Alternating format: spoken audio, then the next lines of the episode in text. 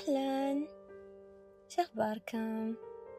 شو علومكم عساكم بخير وصحة وسلامة يا رب. تعتقد أنك ندمان؟ أو هل ندمت على معرفتك لشخص معين؟ ندمت أنك أذيت شخص وما كان له ذنب؟ ندمت أنك ساعدت شخص وعقبها أذاك بطريقة تعور القلب؟ لأنك عطيته من وقتك وجهدك. وتفكر فيه إذا هو الحين مرتاح ولا مش مرتاح سعيد ولا مش سعيد. الود ودك إنه يتعلم دروسه بنفسه لكن من غلاته تبغي أنت اللي تتعلم الدرس عنه.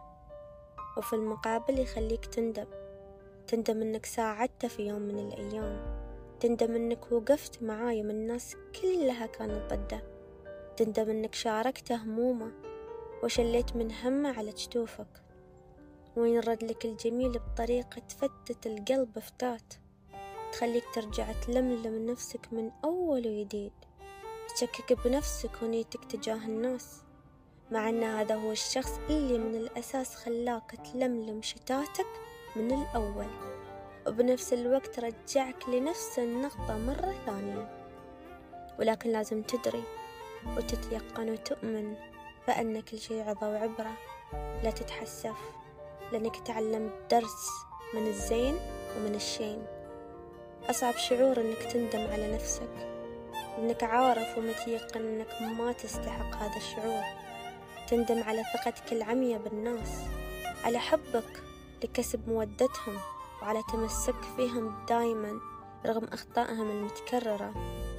جميل أنك تعاتب نفسك على قرار اتخذته. وطلع خطأ أو تصرف اتخذته وما كان سليم.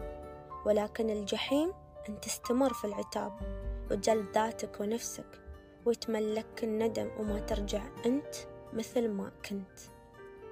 الإنسان طبيعي إنه يغلط ولكن العبرة إنك تتعلم من الخطأ.